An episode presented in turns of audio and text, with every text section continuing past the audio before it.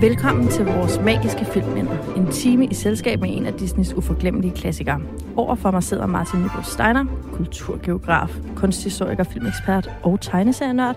Mit navn er Mathilde Anhøj, og jeg er forfatter og kulturanalytiker med speciale i netop Disneys klassikere. Hver uge øh, tager vi her i programmet fat i en af de gamle Disney-klassikere og taler om alt fra animation og musik og humor, fortællingen bag filmen og den tid, filmen er skabt i, og selvfølgelig også, hvad for en betydning filmen har for os, hvis den har nogen betydning. Jeg havde det på fornemmelsen i sidste uge med sværet i stenen, at den ligesom ikke rigtig nogensinde havde gjort indtryk på dig, Martin. Nej, ikke rigtigt. Nej, sådan er det. Yes, i dag skal vi så til gengæld et smut til Paris i 1400-tallet øhm, med klokkeren fra Notre Dame. Der er vi altså over i en lidt mere intens øh, Disney-films type, vil Ja, jeg det var sige. bestemt. Filmen er fra 1996 og bygger på den kendte Victor Hugo-roman med samme navn, øhm, som er fra 1831, så betydeligt ældre end filmen. Og øh, vi følger altså den her vandskabte klokker, som bor oppe i klokketårnet i Notre Dame i Paris. Øhm, og som sammen med den unge, smukke cigøjnerpige Esmeralda og den lige så smukke soldat, kaptajn Phoebus, forsøger at gøre oprør mod filmens skurk, den dydige dommer Frollo, som er sådan lidt halvt præst, halvt dommer. Øh, det har så sin forklaring i romanen i øvrigt. Det kan vi vende tilbage til senere. Øhm, hvad er dit indtryk af den her film, Martin? Kunne du lide den? Ja, det kan jeg godt. Jeg kan godt lide den. Øh, jeg synes, den er vanvittigt flot. Som jeg vist også fik sagt i vores sidste afsnit, så tror jeg, det er den flotteste, den visuelt flotteste Ja. Disney-film. Øh, det er i hvert- i hvert fald, hvad jeg sådan lige kan komme på. Øh, og jeg synes, øh, altså... Jeg synes, den er på mange måder er meget interessant. Jeg synes også helt klart, der er nogle ting, der ikke fungerer. Jeg synes også, der er nogle, altså, der er nogle af de valg, de har truffet, som man godt måske kan stille spørgsmålstegn ved, hvorfor de har gjort det.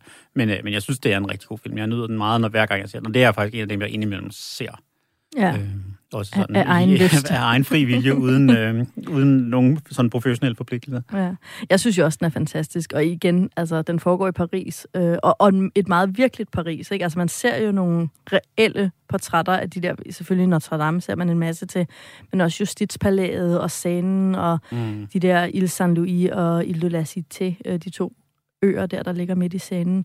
Så allerede der bliver jeg jo sådan helt... Øh, altså, det er meget stemningsfuld setup. Mm. på en eller anden måde. Men du har også ret. Noget af det, der er sindssygt flot i den film, det er jo, at vi ser jo mange sådan, øhm, folkemasser. Mm. Og det er jo et stort tema også i Victor Hugos roman. Det her med den der folkemasse, der kan manipuleres med og skubbes i den ene og den anden retning. Og jeg synes, det er ret vildt, at Disneys animation på en eller anden måde, altså jeg ved ikke, om det er med vilje nødvendigvis, men forstår virkelig at skabe den der mm. Folkemasse som sit eget, sådan, sin egen organisme, Mm. der, der Mm. dels kan styres og dels ikke kan styres. Mm. Ja, man kan sige, det er jo teknisk, synes jeg også, man er nået et sted nu, hvor den her integration af, af håndanimation og computeranimation virkelig fungerer. Ikke? Altså, man har jo gjort det mange steder i den her film, at man har computeranimeret baggrundene, øh, især de steder, hvor, hvor øh, baggrunden også er i bevægelse, altså hvor mm. kameraet, om man så må sige, bevæger sig igennem landskabet, og så er figurerne, de er håndanimeret. Øh, og det, det er jo noget af det, der kendetegner nogle af de her, den her øh, anden guldalder her i 90'erne. Det var noget, man gjorde, og, og man kan se, at når man kommer frem til klokken fra Notre Dame, så er man ved at være erfaren i at gøre det. Altså, jeg synes, at i, øh, i Skønheden og Udyret, nå, men der, der, der er det meget tydeligt, hvad det er. Der synes jeg, der er visuelt, der, der, der fungerer det ikke helt. Og det samme i Aladdin, der er altså også nogle steder, hvor, man, hvor den her øh, hvor de her teksturer på de computeranimerede flader stadigvæk er lidt for blanke og lidt for glatte, og ikke har den her den der sådan naturlige sådan tilstedeværelse, som den skal have. Og der synes jeg, når vi er her, så, så, er vi, vi- så er vi meget tæt på at være der. Hvis man ved det, er der nogle steder, hvor man godt kan se det, men det er bestemt ikke tydeligt. Det er bestemt ikke distraherende på samme måde, som jeg synes, det faktisk er lidt i nogle af scenerne i. Ja. i. Men nu er du selvfølgelig også meget, øh, hvad skal man sige, animationskyndig. Øh, jeg vil sige, i Skønheden og Udyret lægger jeg ikke mærke til nogen forskel. Altså, der er jeg meget... Øh, der synes jeg, det fungerer rigtig godt også. Mm, mm. Øhm, nå, men i hvert fald, øh, nu vi taler om Notre Dame, skulle jeg til at sige, det gør vi selvfølgelig, men noget, som jeg godt lige kunne tænke mig at skynde mig at få, få sagt, så det ikke generer mig resten af programmet, det er, at den franske titel øh, på romanen er jo ikke klokkeren fra Notre Dame. Mm. Det er jo Notre Dame de Paris, altså. Og Notre Dame er jo det, vi på dansk kalder vor frue, altså. En, øh, det er et kirkenavn, ikke, som Mm. refererer til Jomfru Maria. Øh, og romanen, Victor Hugo's roman, handler jo netop ikke om klokkeren, men om kirken. Ja. og i anden grad om Esmeralda. Altså fordi den her Notre Dame de Paris også er en reference til Esmeralda, kvindeskikkelsen, ja, altså kvinden i vores liv og så videre, og den her blanding af Maria Magdalena og Jomfru Maria. Så det er ikke det her, altså klokkeren er ikke en øh, hovedperson. Mm. Det er en kvindelig hovedperson, og der kommer jeg jo til at bære lidt af. Og det gælder også i den danske oversættelse af romanen, der også hedder Klokkeren fra Notre Dame, Mm. og den engelske Hunchback of, of Notre Dame. Det irriterer mig altså, det må Ja. jeg sige. Ja, men det kan jeg da godt forstå. Også fordi, at man jo mister lidt, at det det, jeg tror også var, var pointen, eller det var helt eksplicit fra, fra Hugos side, pointen med romanen, netop at få øh, vækket en begejstring for kirken i sine... Ja. Øh, Det er jo et reklameskrift. Det er simpelthen et reklameskrift for, at man Ja. skulle sætte en, en restaurations- eller en restaurerings... Øh, indsats i gang over for den her kirke, som nu havde stået og forfaldet i nogle århundreder, øh, og var blevet ret smadret på det her tidspunkt i 1830'erne. Ikke? Den har jo blandt andet, i, i, efter en af revolutionerne, havde der været sådan en... Øh, havde, havde den været br- brugt til sådan nogle øh, ratione- rationelle orgier, hvor man havde indrettet sådan en rationel religion, religion og så havde holdt sådan nogle bakanalier, øh, hvor man dyrkede for, fornuften. Øh, og det har kirkerummet ikke taget, altså det har de ikke haft godt af. Så det, det var virkelig en Det var kirke, der, dyrisk rationalisme. det var ikke en kirke, der, der, der stod sådan som, man, sådan, som den står i dag på det her tidspunkt. Og det var altså, og Hugo skrev romanen blandt andet, fordi han gerne ville have vækket netop folkemassen til at forstå, hvor vigtig kirken var for byen Ja, og for den ikke byens sjæl. Og, ned, og den skulle dyrkes og så videre. Mm. Men det er altid fedt, når man har et land, hvor man kan sige, at nogle af revolutionerne. Sådan brrr. det, og det er jo i øvrigt også et af temaerne i den her film. Vi har jo den her revolutionsstemning, der. Mm. hele tiden ligger og spørger. Og det er jo ikke noget 1400-talsagtigt, men romanen er jo skrevet under Les Quatre Glorieuses, altså de der fire, øh, julirevolutionen hedder den vist, ikke? Nu må du rette mig, du er den Mhm, ja. historiekyndige. Ja. Men, øhm, men så det er jo også derfor, at hele den her roman har meget mere 1800-tal end Mm. 1400-tal i sig, Jo, jo. øh, må man jo sige. Øh, den handler jo om de her, ja, den handler om mange forskellige ting, men blandt andet om de her cigøjnere, øh, og vi bliver taget til katakombernes mirakelplads. Eller jeg ved ikke, om den er under Père Lachaise, mm. om det gælder som katakomber, men i hvert fald, jeg synes jo, det var et meget magisk navn, men jeg har nu fundet ud af, hvorfor, altså den eksisterede jo i virkeligheden, den her mirakelplads. Ved du, hvorfor den hed mirakelplads? Nej. Det er jo så sjovt. Det er fordi, og, og upassende sikkert også, vil jeg ved med, men øh, jeg var bare meget optaget af, hvor sjovt det var. Det er fordi, at øhm, man pegede på den her, øh, som måske ikke nødvendigvis er en cigøjner-tradition, det skal jeg ikke gøre mig klog på, men den her, du ved, øh, tigger øh, fordom omkring, som vi også har med Eddie Murphy, ikke? Og sige, at man er krøbling, eller Åh, at ja, fremstille sig ja. selv som krøbling. Mm. Men så om natten, når man samles på Mirakelpladsen, så kan man gå. It's a miracle, I can walk. og, det, og det er slet ikke, altså, i, da jeg var lille, var det jo Mirakelpladsen. Det var noget magisk og Ja, ja, mørkt og sådan noget. Ja. Og så var jeg sådan, nej, gud, det er en joke. Altså, det er fordi, det er sådan, du ved, så lige pludselig får folk arme og ben igen. Ja, ja, ja. Ej, det er sjovt. Ja, det er meget fedt. Øhm, noget andet er, øh, som vi måske også lige kan, kan nå at tale om, inden vi dykker dybt ned i filmen, det er, at øh, Esmeralda-figuren, som jo er en, en slags Disney-prinsesse. Hun er jo en cigøjner-prinsesse. Hun er en af vores brune Disney-prinsesser. Vi har Pocahontas, Jasmin og Esmeralda lige rap her i 90'erne, som jo både handler om at prøve at åbne verden lidt op, altså sådan den vestlige øh, syn, men så handler det jo også om, at skønhedsidealet i 90'erne var at være brun. Ja, ja, det er klart. Øh, det, ved jeg, det glemmer man måske. Altså, det er jo ikke, fordi man ikke stadigvæk godt kan være solbrændt, men det var virkelig noget, der, der fik, Mm, øh, fik ben at gå på i den tid. Øhm, men inspirationen til Esmeralda er super passende for øh, en, øh, ja, både en bog, men også den her Disney-film, der handler om en kirke. Den er simpelthen fra Bibelen. Nå. Øh, jeg ved ikke, om du... Øh, jeg, jeg læser det op for dig. Det er fra Johannes åbenbaringen. Jeg ved ikke, hvornår du sidst læste den. Nok for nylig, som man jo gør. Johannes åbenbaring, kapitel 17. Der står, kvinden var klædt i lilla og rød og strålede af guld og ædelstene. Og så skal jeg spare for resten Mm. af beskrivelsen, men det er reelt det, som Esmeralda i starten i dansescenen, Mm. øhm, som jo lidt er en stripperscene, det Ja. vender vi tilbage til. Det er simpelthen øh, et helt eksplicit... Øh, Ja, man kan sige, selvom det så måske ikke lige var et, øh, et citat, jeg sådan lige på, kunne hive ud af baglommen, så Frollo har jo i hvert fald været klar over det, kan man sige. Ikke? Og for ham har det jo sikkert været en symbolik, som har været meget... øh, ja, ja, meget og. Frollo var en af tegnerne på filmen. Ja. så på den måde, øh, så passer det hele jo super godt sammen. Men øh, altså, apropos kirke, så, øh, så kunne det være, at vi skulle skynde os at springe ind bag murene øh, til klokkeren i selveste Notre Dame. Det er jo øh,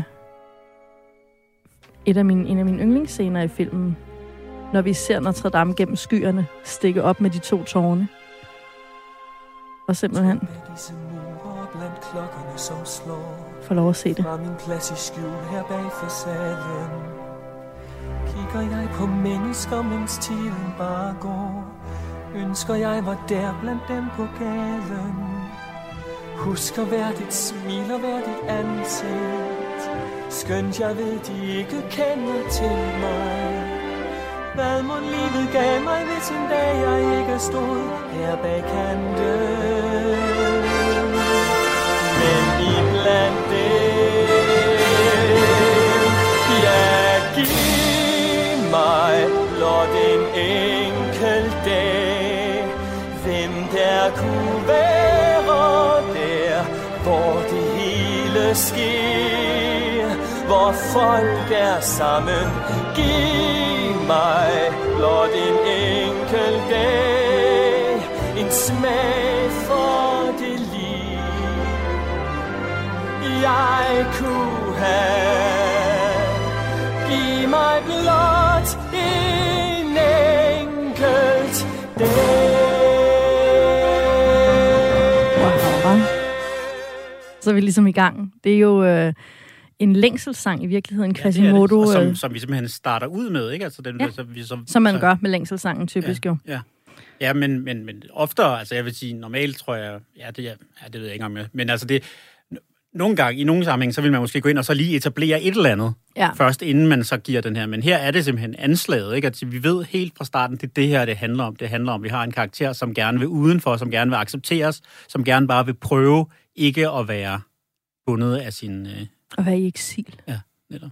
Eller asyl. asyl. Eller- eller eksil. Eller er begge ja. Yes, øh, du lytter til vores magiske filmminder på Radio 4 med filmekspert og tegneserienørd Martin Nybo Steiner og kulturanalytiker og Disney-ekspert Mathilde Anhøj, som er mig. Og vi taler om klokkeren fra Notre Dame, og her var der altså Quasimodo, der sang sit hjerte ud omkring, hvordan han bare han fik en dag ude i samfundet, i stedet for op i klokketårnet.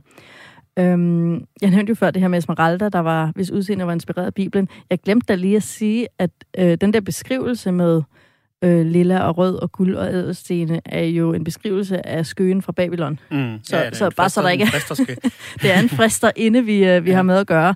Men det er jo også hendes dansepåklædning, så det mm. kan jo være, at hun altså mange, hvad skal man sige, det er jo også en stripper-ting, at man har en persona og et stripper-navn, og det kan jo være, at hendes var skøen fra Babylon, mm. mens den faktiske Esmeralda jo har netop hvid skjorte, så vi forstår, at hun er ikke kun en fristerinde, hun er også uskyldig. Mm. Men det kan være, at vi skal starte med et lille resume af den Det er her. nok altid, øh, altid en god idé. Jeg vil sige, at filmen er jo heldigvis ikke så lang som bogen, øhm, eller så kompliceret. Jeg synes, de har gjort det godt med at få stemningerne og temaerne med ind, Ja, uden det- at få hele persongalleriet med. Det Ikke? synes jeg også, og jeg synes, øh, altså det er jo, kan vi nok også vende tilbage til, men jeg, jeg synes faktisk, at man har fået overrasket mange af de sådan, centrale plotpoints fra, fra filmen med. Der er selvfølgelig nogle ting, der er lavet om, ikke mindst slutningen, det skal vi nok komme ind på, men, men jeg synes jo faktisk, at man har truffet nogle valg, hvor, det er, hvor der er en masse ting, som, som, som måske godt kan være skåret frem, men hvor man har valgt at sige, at vi vil godt være relativt tro mod, Ja, Victor Hugo. mod kildematerialet. Altså, man er meget mere tro her, end man er i Den Lille Havfru, for eksempel. Altså, vi er meget tættere på, Og på historien. andre? Disney-film. Derfor bliver man også lidt irriteret, når man ved, at Victor Hugos familie var skide sure over den her fremstilling. Bare tænker sådan, ej, altså i forhold til det Disney har de faktisk gjort det meget øh, sådan ygo-religiøst. Ja. Nå, men vi har fire hovedpersoner. Øh, vi har Esmeralda og Quasimodo. Altså, øh, det er jo i bogen, den ene er tigger, og den anden er cigøjner, og det er to forskellige fattige folkefærd, og det viser sig, at de i virkeligheden har, er blevet forbyttet, så det er faktisk Esmeralda, der er tiggerbarn, og Quasimodo, der er cigøjnerbarn. Mm. Men det er altså de to, øh, to af de, jeg vil lige vil sige to hovedpersoner. Den anden interessante hovedperson er jo Dommer Frollo, som jo i bogen er der både en præst og en dommer, Mm. og de er onde på hver deres måde, og Frollo, han er lidt den der blanding. Altså, han sidder over i justitspalæet, og på den måde jo dommer. Altså, hedder dommer Frollo. Og han har en eller anden form for... Jo, han har en dømmende magt, men han er jo konstant på en eller anden måde i hovedsædet for en udøvende magt. Mm. Han øh, styrer jo hæren i Paris og sådan Ja, noget. ja, ja. Øhm, og samtidig har vi jo hele hans præsteskikkelse, både i tøjet, altså det der sorte tøj, han går rundt i, som selvfølgelig også er dommeragtigt, men han har en stærk religiøsitet. Ikke? Han Mm. er vel faktisk fanatiker. ja, det må man sige. Øhm, og så har vi kaptajn Phoebus, der kommer hjem fra krigen. Jeg ved ikke, hvad for en krig vi skal skyde på. Det er der i 1400-tallet. Er det... Nej. Nej, det kan være. Det er, det er ikke vigtigt i hvert fald. Nej. Øh, Kaptajn Phoebus, den, den smukke, blonde øh, unge soldat, øh, som kommer til Paris, for så at være dommer Frollos håndlanger i, øh, i Frollos bestræbelser på at få udryddet cigøjnerfolket, som ligesom er skurkens øh, hovedplot. Og så er der den her cigøjnerpige Esmeralda. Hun gør oprør mod Frollo, og hun redder både Quasimodo og kaptajn Phoebus ved forskellige lejligheder. Øh, men det interessante er måske, at alle de mandlige karakterer i den her film forelsker sig i Esmeralda, mm. og slås på en eller anden måde om hende, på samme måde som de også slås om Notre Dame. Mm. Altså, hvem tilhører Mm. øh, Notre Dame de Paris, ikke? Hvem tilhører kvinden? Ja, på den måde er det ligesom, altså der er det jo sådan en, en kærlighedsfirkant, ikke? Altså Jo. det, det, der, blev, øh, der, der har været sådan en periode, hvor øh, i al god sådan ungdoms- og børnelitteratur, der skal altid være en, der, en, øh, en trekant, der skal altid være en kvindelig hovedperson, altså Twilight og sådan noget, der skal altid være en kvindelig hovedperson, og så to Og en varulv og en vampyr. en, en varulv og en vampyr, ikke? Og her har de så taget skridtet videre, der er så Ja. både en varulv og en vampyr og en dommer, ikke? Ja, og det er jo i Disney-versionen især, har vi jo Frollo som en form for faderfigur, og Quasimodo er en slags adoptivsøn. Mm. Øh, også konkret i starten får vi jo at vide, at han har, altså, han har slået moren ihjel, og derfor må han tage sønnen til sig, fordi netop Notre Dame, det mm. Skete foran Notre Dames øjne, så han må tage sig af ham. Samtidig har vi kaptajn Phoebus, der også er en slags adoptivsøn. Altså han bliver ligesom trukket ind og skal være håndlanger for Frollo. Og filmen går meget ud på, at de starter lojalt, de to øh, mandlige hovedpersoner, Phoebus og øh, Quasimodo, med at gøre, som Frollo siger, men gør så oprør, fordi Esmeralda ansporer dem til det øh, på en eller anden måde. Og øhm, ja, altså efter de gør oprør mod Frollo, altså Phoebus og Quasimodo, mm. der laver de en eller anden form for alliance for at redde Esmeralda, som de begge to elsker. Frollo får så fat i dem begge to, og de bliver sat fast på hver deres måde, og Esmeralda er ved at blive brændt på bålet, da Quasimodo bryder fri af sine lænker og redder hende, samtidig med at Phoebus får mobiliseret befolkningen i Paris til at gøre oprør mod Frollo, med motivationen, at han har erklæret krig mod selveste Notre Dame. Øhm, og det opsummerer faktisk meget godt altså hovedplottet, mm. Og det ender med de gode vinder, og skurken, som Disney-skurke er flest, han styrter selvfølgelig i døden. Mm. Øh, fordi naturen, skæbnen, her måske Gud hævner Ja. sig på ham. Mm. Det er måske her, vi er tættest på, det er Gud, der slår skurken Mm. ihjel i virkeligheden. Ja, men jeg ved ikke, øh, har du øh, noget, du ved, du vil ind på her fra starten? Jamen, altså, jeg synes jo godt, vi har allerede været lidt inde på nogle af øh, parallellerne mellem og forskellene til forlægget, kan man sige. Altså, hvad det er, man har taget fra bogen, og hvad det er, man har lavet om. Øhm, og der er nogle flere ting, som jeg synes, vi skal snakke om, og det, og, og, øh, og det bringer os også i retning af det her med, hvorfor er det, at den her film, den har, øh, altså, den har fået, den har ligesom det sådan tonemæssige problemer, eller hvad man nu vil kalde det, som den nu har. Ikke? Den har meget svært ved at ramme altså, sådan, den balancen mellem det komiske og det dramatiske. Ja. Øh, og det, det stammer nok tilbage fra, at i virkeligheden er det her nok ikke, det er en rigtig, rigtig god bog, men det er jo ikke nogen det mest oplagte forlag til en børnefilm. Nej. Øh, Nej, hovedtemaet er jo begær. øh. Helt sikkert, ikke? Øh, og, derf- og derfor er det sådan, altså, og den der forsøg på sådan at presse den ind i sådan en Disney-børnefilmsramme, er måske der, hvor, hvor det Ja. ikke rigtig fungerer alligevel, ikke? Øh, og, og, og der ville det måske have været bedre, og det kan vi også snakke lidt om, hvis man faktisk havde været endnu mere modig og sagt, "Men så laver vi det her som en, en film, der ikke er til børn. Men det, det turde man så ikke alligevel rigtig Nej. helt at gøre.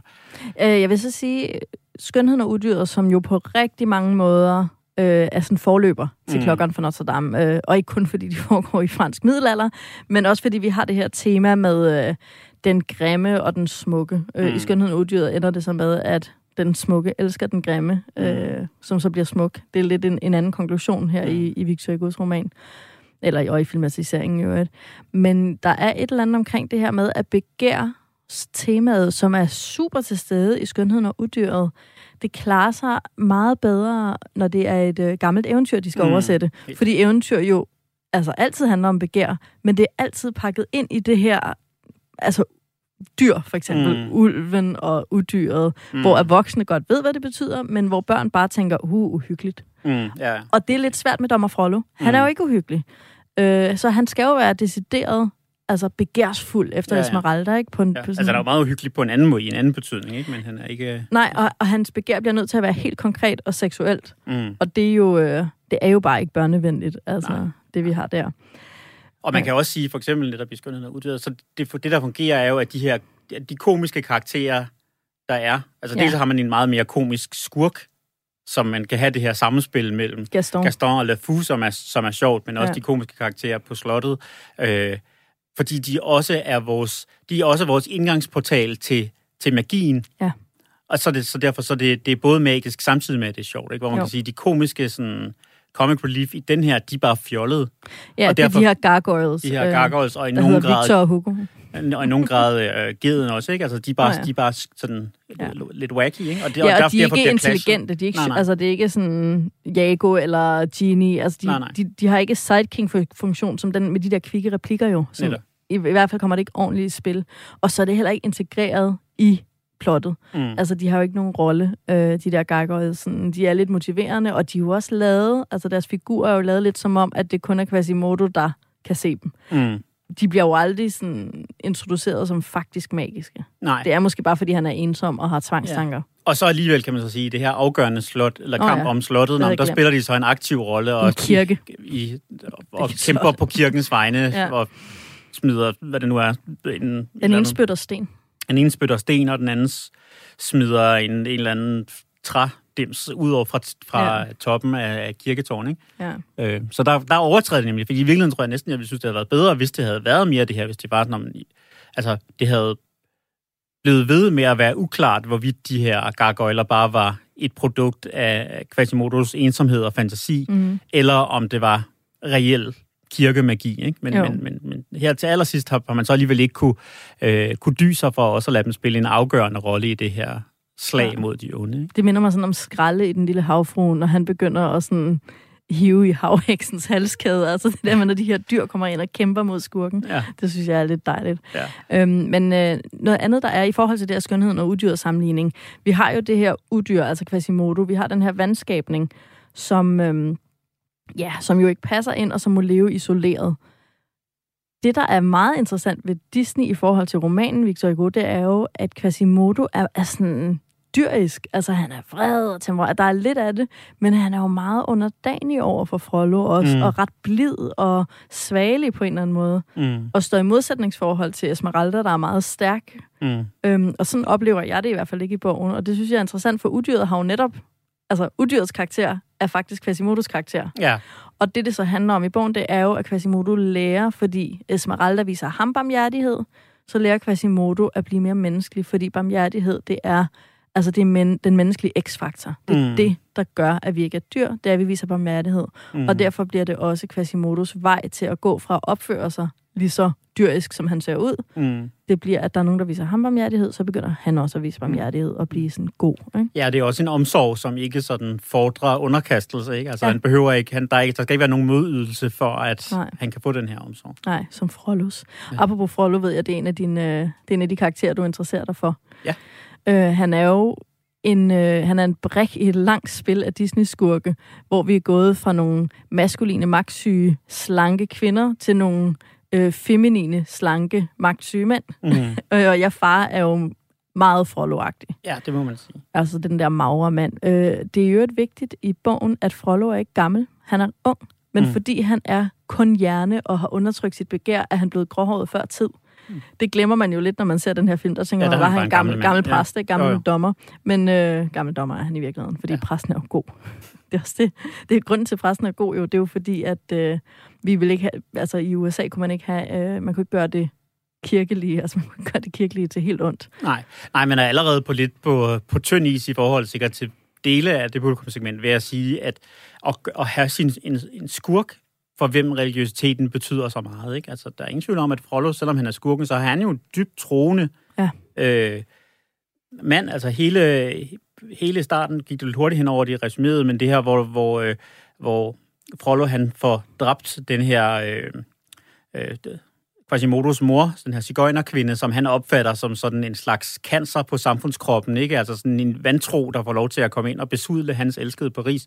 Øh, og han så, men han så samtidig, at det jo så faktisk er religiøs skyld, der gør, at han ikke også dræber Quasimodo. Ikke? Han bliver, han bliver øh, sådan overbevist Skammet. både af den her ærkebiskop, men også af kirken selv, og der er de her øh, skulpturer, som hvis det egentlig er at Israels 12 stammer eller et eller andet, øh, som, sådan Som kigger ned på den katolske. Som kigger øh, sådan dømmende ned på ham, og får ham til at sige, okay, jeg, jeg, jeg, min, jeg kan ikke overtræde, selvom jeg, jeg selv mener, jeg gør det rigtige, så kan jeg ikke bryde med min tros sådan centrale bud så groft som til at slå et baby ihjel. Nej. Og derfor lader han ham overleve. Ikke? Og det er jo noget helt nyt inden for Disney-skurke, at have den her kompleksitet i skurken, øhm, som vi jo vi er jo vant til, at Disney-skurke godt ved, de er onde, for at sige det sådan ja, helt ja. ned på jorden. Øh, og der har vi bare noget helt... Altså, vi har med, med noget andet at gøre øh, i Frollo. Beata Maria, du vil jeg følger dydens vej, stærk og stolt og hederlig som få. Beata Maria, du ved min fromhed skiller mig fra pøblen, som er svag, vulgær og Som hvorfor Maria, fristes jeg af hendes dans, mærker hendes øjne i min sjæl. Jeg tørster, jeg længes, det sorte hår og hudens glans besætter mig og piner mig ihjel. Et helvede af flammer har sneet sig herind. Jeg brænder for tæres, hun leder mig til søn. Det er jo øh, et selvbillede i virkeligheden, vi får præsenteret her i den her Et helvede af flammer-sang, mm. hvor han jo ser sig selv som god og dydig, og jamen, han er jo ikke den onde, men mm. samtidig ser vi jo i løbet af filmen, hvordan han bliver på en eller anden måde slutter mere og mere fred med sin ondskab. Mm, ja. Ja, han får på en eller anden måde han får overbevist sig selv om, at hans, altså, øh, at han kan forsvare sine handlinger, ikke? Og, når, og, og får overbevist sig selv om, at hans, altså, at han, den del af hans tro, der, der, der driver ham mod de her ondskabelige handlinger, er vigtigere end dem, der giver ham moralske kvababelser, ikke? Altså, jo. Det er sådan, jo, lige præcis. Øh, og det, og det er jo altså, det er en sindssygt god sang, det her for det første, og det er en rigtig god scene, vildt uhyggelig og meget, meget ja. smuk. Øh, og, og netop utrolig, altså ret vildt at have en Disney-sangsekvens, som grundlæggende handler om tvivl, ikke?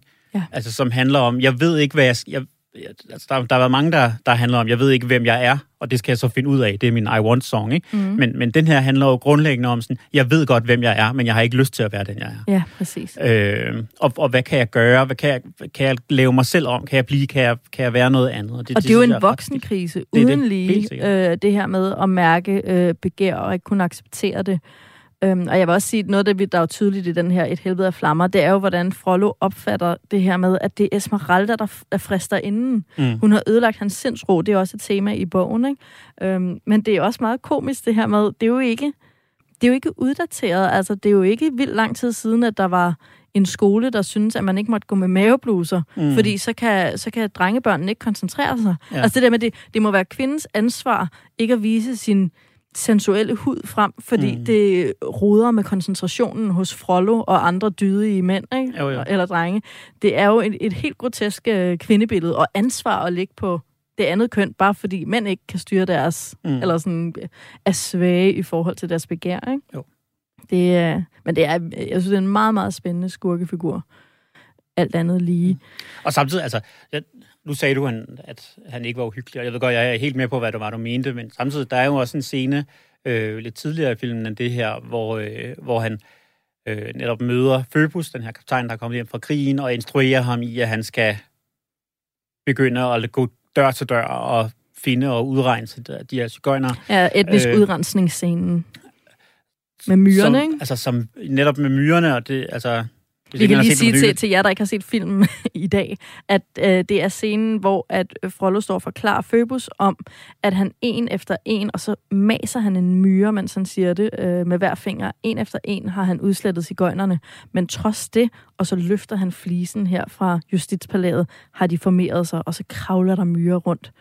Og hvad skal jeg gøre ved det, siger Phoebus så, og så tager Frollo den her flise og hamrer ned i myrereden og maser dem. Mm. Fordi, som Frollo siger, de har fundet et tilholdssted, nemlig Mirakelpladsen, og det er den, der skal. Og det er så, altså, den scene er simpelthen så stærk, den fungerer på alle niveauer. Det er virkelig vemmeligt, og, det, og man er helt med på, hvad han siger, selvom han hele tiden kun taler i, i metaforer, i overført betydning og sådan noget. Altså, det, ja. det, altså der, og der er han jo virkelig, altså der er han ja. virkelig vemmelig. Men voksen uhyggelig, ikke? Jo, jo, altså fordi altså jeg sidder jo ikke som en hvid person og tænker, åh oh, nej, nu kommer der en efter mig. Altså den etniske udrensning, jeg fik jo associationen til måske det mest hvide, eller hvad man skal sige, det vi kender fra Europas bag, baghave, eller fra Danmarks baghave, øh, udrensning af jøderne under 2. verdenskrig. Det var den association, jeg fik, da han laver det her med myrerne, der har formeret sig, og nu skal vi af med dem. Men i 1996 var det vel faktisk en reference til... Øh, nu kommer jeg lidt på glat is. Altså, jeg tænker, sådan Rwanda, tænker jeg, måske Ja, det men bedste der er også noget. Herzegovina og noget Bosnien, Ja, der foregår. Men i hvert fald Mm. det her med, at vi skal, altså den her despot og i den her øvrigt hvide skurk, han er, han skal ikke være en vestlig skurk.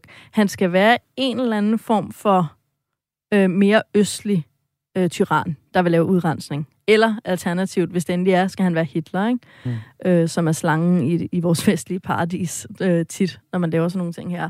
Og det er jo også hele historien, at det der sympatiske 90'er, at du ved, asyl er en god ting, og du ved, vi skal tage imod Mm. mm. flygtninge, der kommer fra de her frygtelige samfund, der slet ikke er lige så gode som vores samfund. Øhm, at vi i den her film har vi jo den gode Esmeralda, mm. som den største oprører. Den brune er den gode, og den hvide Frollo er den onde. Samtidig så har vi jo også et eller andet element af, ja ja, men den onde er også den yberreligiøse. Mm. Mens den gode er sådan en, en demokratiets øh, fortaler, der står op for, hvad vi vil egentlig, hvordan vi ser os selv som vestligt samfund i virkeligheden. Mm. Mens Frollo står for noget, som vi ikke føler, vi er mere. Mm. Ja, der kan man sige, der, der, Jeg kommer lige til at afbryde det lidt her, Sigøjner! med en Kom god ned scene. derfra! Ja, der er sådan noget. Når jeg har befriet dette stakkels væsen, Jeg forbyder det! Hvor våger du at trodse mig? de mishandler denne dreng på samme måde, som de mishandler mit folk. De taler om retfærdighed, mens de er grusomme mod dem, der har mest brug for deres hjælp. Stilhed! Retfærdighed!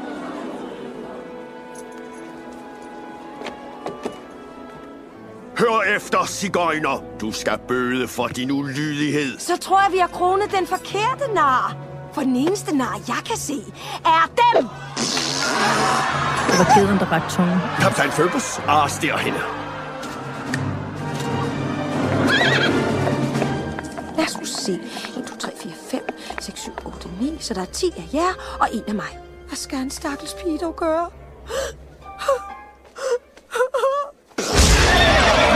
Heksekunster. Det her var jo øh, et ærke eksempel på, at Esmeralda repræsenterer demokratiet.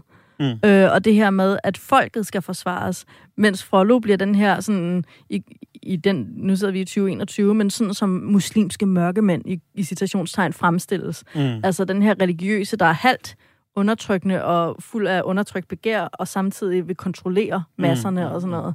Så det er jo ikke den vestlige hvide mand, der er skurken. Nej, nej, nej. Selvom han er hvid sådan, mm. i huden, ikke? Ja, man vil også bare sige, at det er jo også et sted, hvor altså, filmen på en eller anden måde springer lidt, altså springer nogle ting over i forhold til, hvad, hvad er egentlig virkeligheden i den her verden, det foregår. Altså, fordi det er en voldsom anachronisme, det der med at tale for en, en historie, der skal foregå i 1400-tallet, så tale så meget om netop om, det er om sådan, om demokratiske. retfærdighed og demokrati og sådan et eller andet, ikke? Hvor man siger, man sådan, Liberté, egalité, Netop, ikke? Altså, det er sådan de, de franske revolutionsværdier, men, men hvor man kan sige, i slutningen af, af, af filmen, hvor de kommer ud, Phoebus og Esmeralda og Quasimodo, og bliver taget, taget imod af folkemængden, og Ja. bliver omfavnet og elsket og sådan noget. Ja, ja, men altså, du bor stadigvæk i Frankrig i 1400-tallet. det er stadigvæk sådan en gennemfeudalt samfund på alle mulige måder. Det er jo det, der også er tricky i bogen. Fordi, Mm. ja, ja, men det er jo en allegori, 1400-tallet. De bor i Frankrig i 1800-tallet, Mm. mm. ikke? Og der har vi jo også den her folkemængde, der kan vende sig hurtigt, og først følger den ene, og så følger den anden. Mm. Nå, men øh, vi snakker og snakker.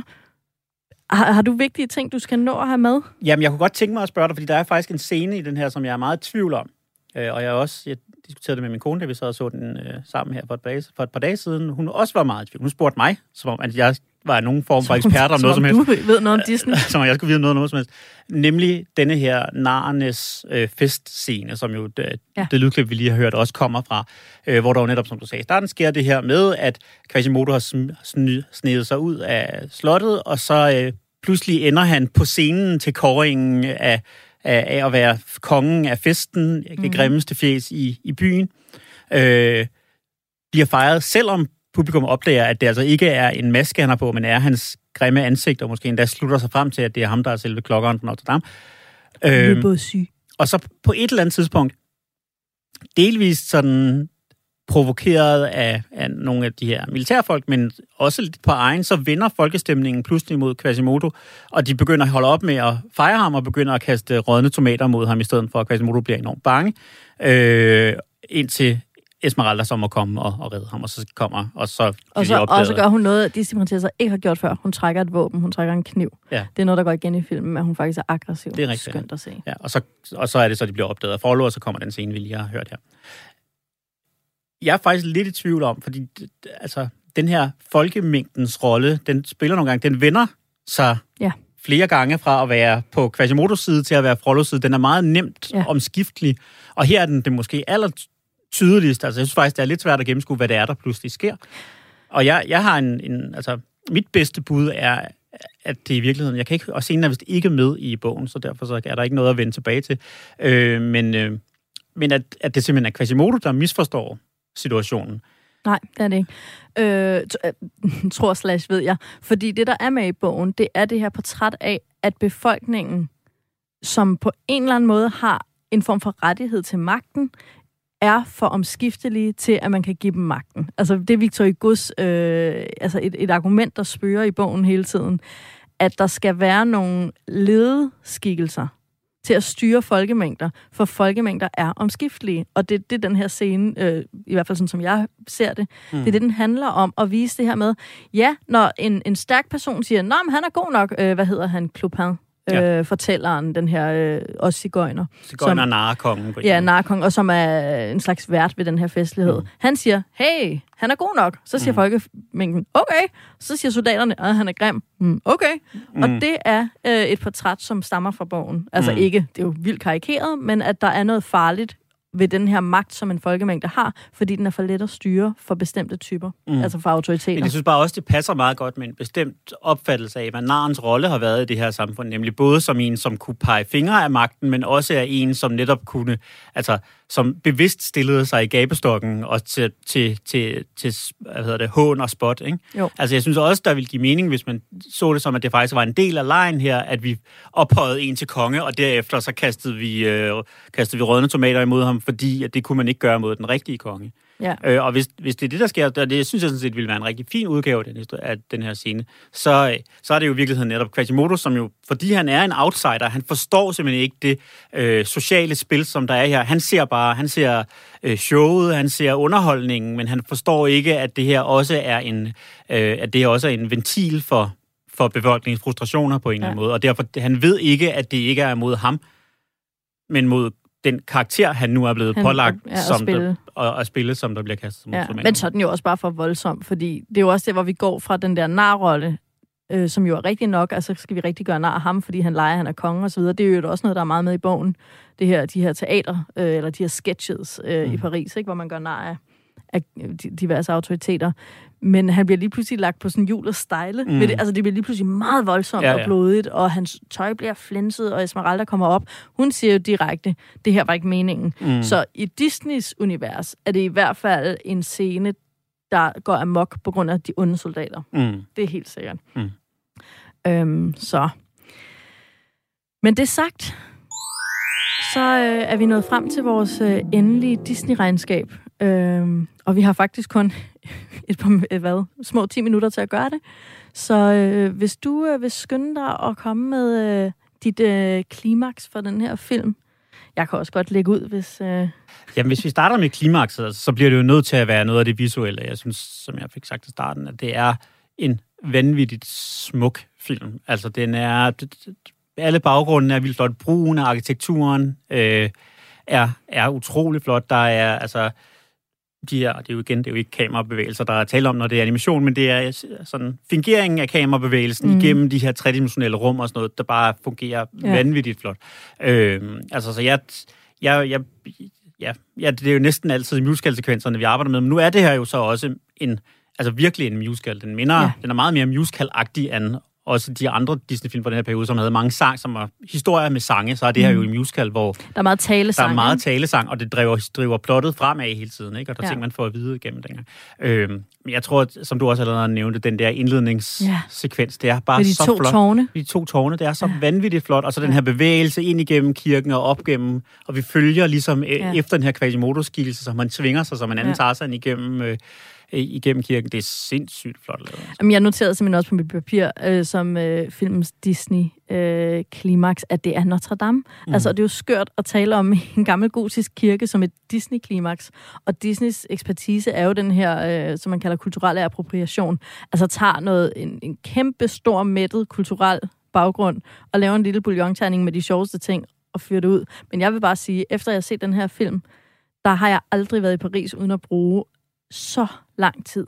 Både foran Notre Dame, ved at kigge op på tårne, og inde i Notre Dame. Mm. Og det kunne måske være øh, en stemme for, at det andet klimaks må være, der Esmeralda går rundt inde i kirken, mm. og man ser de her farvede vinduer, og mærker den her stemning.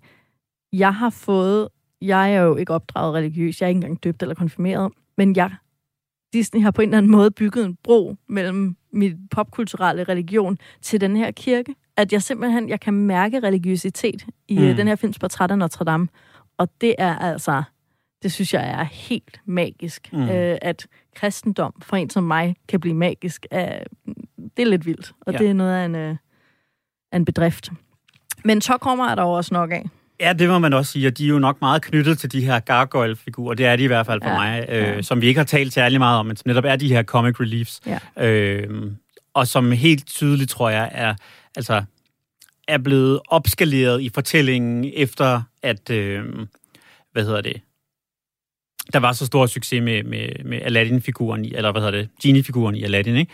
At, at Disney så, okay, hvis vi, vores sjove bikarakterer her, det er i virkeligheden dem, der, det er dem, der sælger De t-shirts, sælge, ikke? ja, præcis. Og Øh, figurer. og, og lege- legetøjsfigurer og sådan noget. Ikke? Og, men i den her fortælling, der virker det sindssygt malplaceret. Jokesen er ikke sjove nok. Altså, de har ikke... Altså, jeg kan rigtig godt lide øh, Jason Alexander, som laver stemmen til den sjove af dem her, øh, George fra Seinfeld, men Ja. han er jo ikke Robin Williams. Altså, Nej. så, så, så, så der mangler bare... Der mangler altså 10 procent i det her, og det gør, øh, det gør, at det skærer meget mere i øjnene, at man har den her utrolig dramatiske fortælling om skyld og tro og tilgivelse og sådan noget, og så ja. har man nogle, nogle fjollede øh, øh, scenefigurer, som spiller poker mod nogle duer, ikke? Ja, ja, Altså- og som i øvrigt er queer-kodet, ikke? Altså, ja. Der er også nogle drag-elementer, og den ene er forelsket i en... Altså, at de er... Jeg ved ikke, om den ene er homoseksuel, men der er bare de her elementer, igen, hvor vi får skudt marginaliserede befolkningsgrupper ud i jokesene. Det er sådan. Mm. lidt... Ah, altså, ja. den er ikke så smart. Ja, altså, og, og, og nu fik jeg nævnt det i starten, som netop det her med, at, at jeg tror, øh, altså, at, at jeg, jeg tror, der har været et ønske et eller andet sted i Disney at sige, okay, nu prøver vi faktisk at lave noget, der er til den modnere publikum. Vi prøver mm. At gøre det her, som man så har gjort senere med, med nogle af Pixar-filmene og sådan noget, hvor vi siger, vores kernepublikum er ikke længere 8 år. Nej. De er måske 13 eller Ja, 14. dem, dem, vi fangede med den lille havfru og skønheden og udyret, De er der de er blevet ældre. Det er nemlig det. Ja. Ja. Og vi prøver at lave en, en film til dem. Og så er der så samtidig siddet nogle andre steder, nogle andre folk, et andet sted i Disney-huset og sagt, vi skal altså have solgt nogle Happy Meals. Ja. Vi bliver nødt til at gøre et eller andet, fordi Ja. markedsføringsstrategien for den her film, der, der var all, totalt all over the place. Man kunne slet ikke finde ud af, hvad det var for en historie, man, man ville sælge. Og det har også gjort noget for karaktererne. De er ikke blevet lige så øh, fast bestanddel af, Fuldstændig. af kanonen. Ja. Om man kunne have lavet den her, altså om, om man nogensinde ville kunne have lavet og udgive på det her tidspunkt en Disney-film, som bare var den mørke, de mørke dele af historien, det er jeg ikke sikker på, men det ville have Nej. været en bedre historie, hvis man havde forsøgt.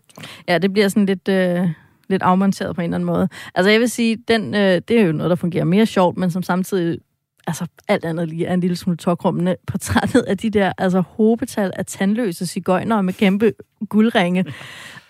Og den er bare ikke god. Men altså, det, det, jeg vil sige, altså det er jo også præmissen, eller Mm. sådan, jeg kan ikke rigtig finde ud af, om hvad man skal gøre med det, men noget af det, jeg synes helt reelt, hvor min, jeg ægte kommer til, det er i Esmeraldas dansescene, som i forvejen, hun er dybt overdrevet med gigantiske bryster, og sådan, at det ser helt vildt ud, men at hun også smider et spyd ned i scenen, og laver en reel stripper på, Ja, ja. som hun svinger sig rundt i.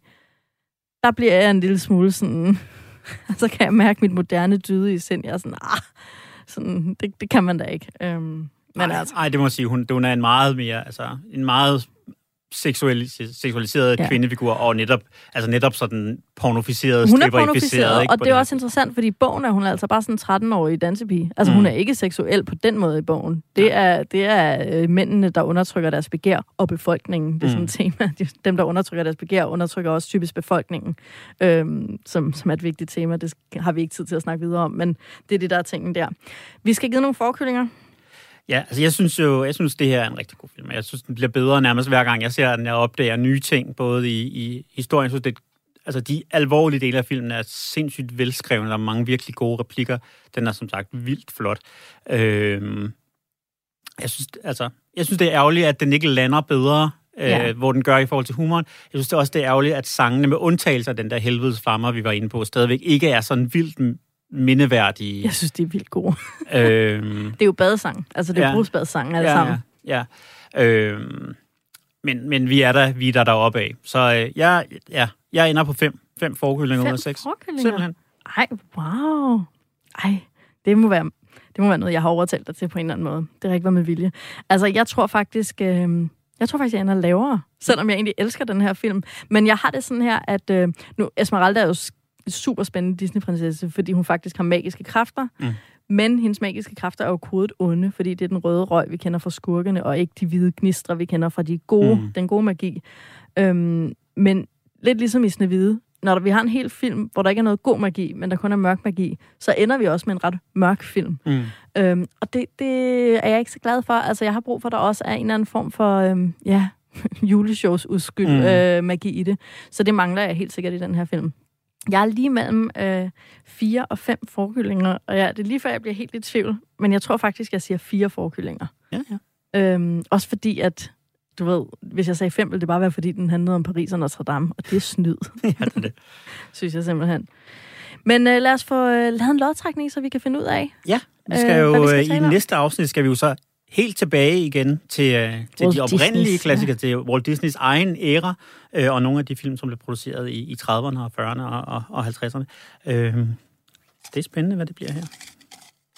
Der er ikke så mange tilbage af dem, så øh, Nej, der er ikke så mange, det kan være. men vi har nogle gode stadigvæk i, øh, i arkivet, som jeg i hvert fald godt kunne tænke mig at tale om. Lady af Vagabunden. Lady og Vagabunden, det er en af dem, jeg synes er gode, og jo også en af dem, der er øh, med i juleshowet. som, Det må som, man sige. Som er Den- vores bibel i det Måske, program. den, øh, må, måske den, den bedste scene i juleshowet. Det i hvert fald tæt på. er virkelig, virkelig god. Jeg, altså, jeg laver jo spaghetti og kødboller. Ja, kun, bare på kun grund af af den, film. Ja, ja, præcis. Nå, men det er jo super fint. Det er jo så i USA, og så er det vel i 1950'erne, så vi tager faktisk et ret stort kulturelt spring til en helt anden virkelighed nu. Øh, men det glæder vi os da bare til at, øh, at snakke videre om i næste uge. Og så øh, er der jo bare tilbage at øh, ønske en god søndag fra begge os til alle jer. Og det synes jeg da, vi skal gøre øh, med nogle af de her toner, som kommer direkte fra, fra Notre Dame. Og som, øh, altså jeg har faktisk gjort det, at jeg har sat den her sang på, vi skal høre nu, mens jeg har gået rundt i Notre Dame. Jeg siger ikke, jeg legede, jeg var Esmeralda, men Du samtidig... siger det heller ikke, at du ikke var godt. Jeg siger heller ikke, at jeg ikke følte, at jeg var... Altså, hun er jo i øvrigt beskrevet ud over skøen fra Babylon som uh, Demi Moore with the suntan. Men uh, ja, jeg legede måske lidt Esmeralda i Notre Dame. En enkelt gang eller ti. Jeg ved ikke, om du lytter, om du kan høre mig. Aner ikke, om det nytter at vende sig til dig. Ja, jeg ved, jeg er sigøjner. Jeg burde tige nu. Men jeg ser på dig og tænker, var du udstødt også du?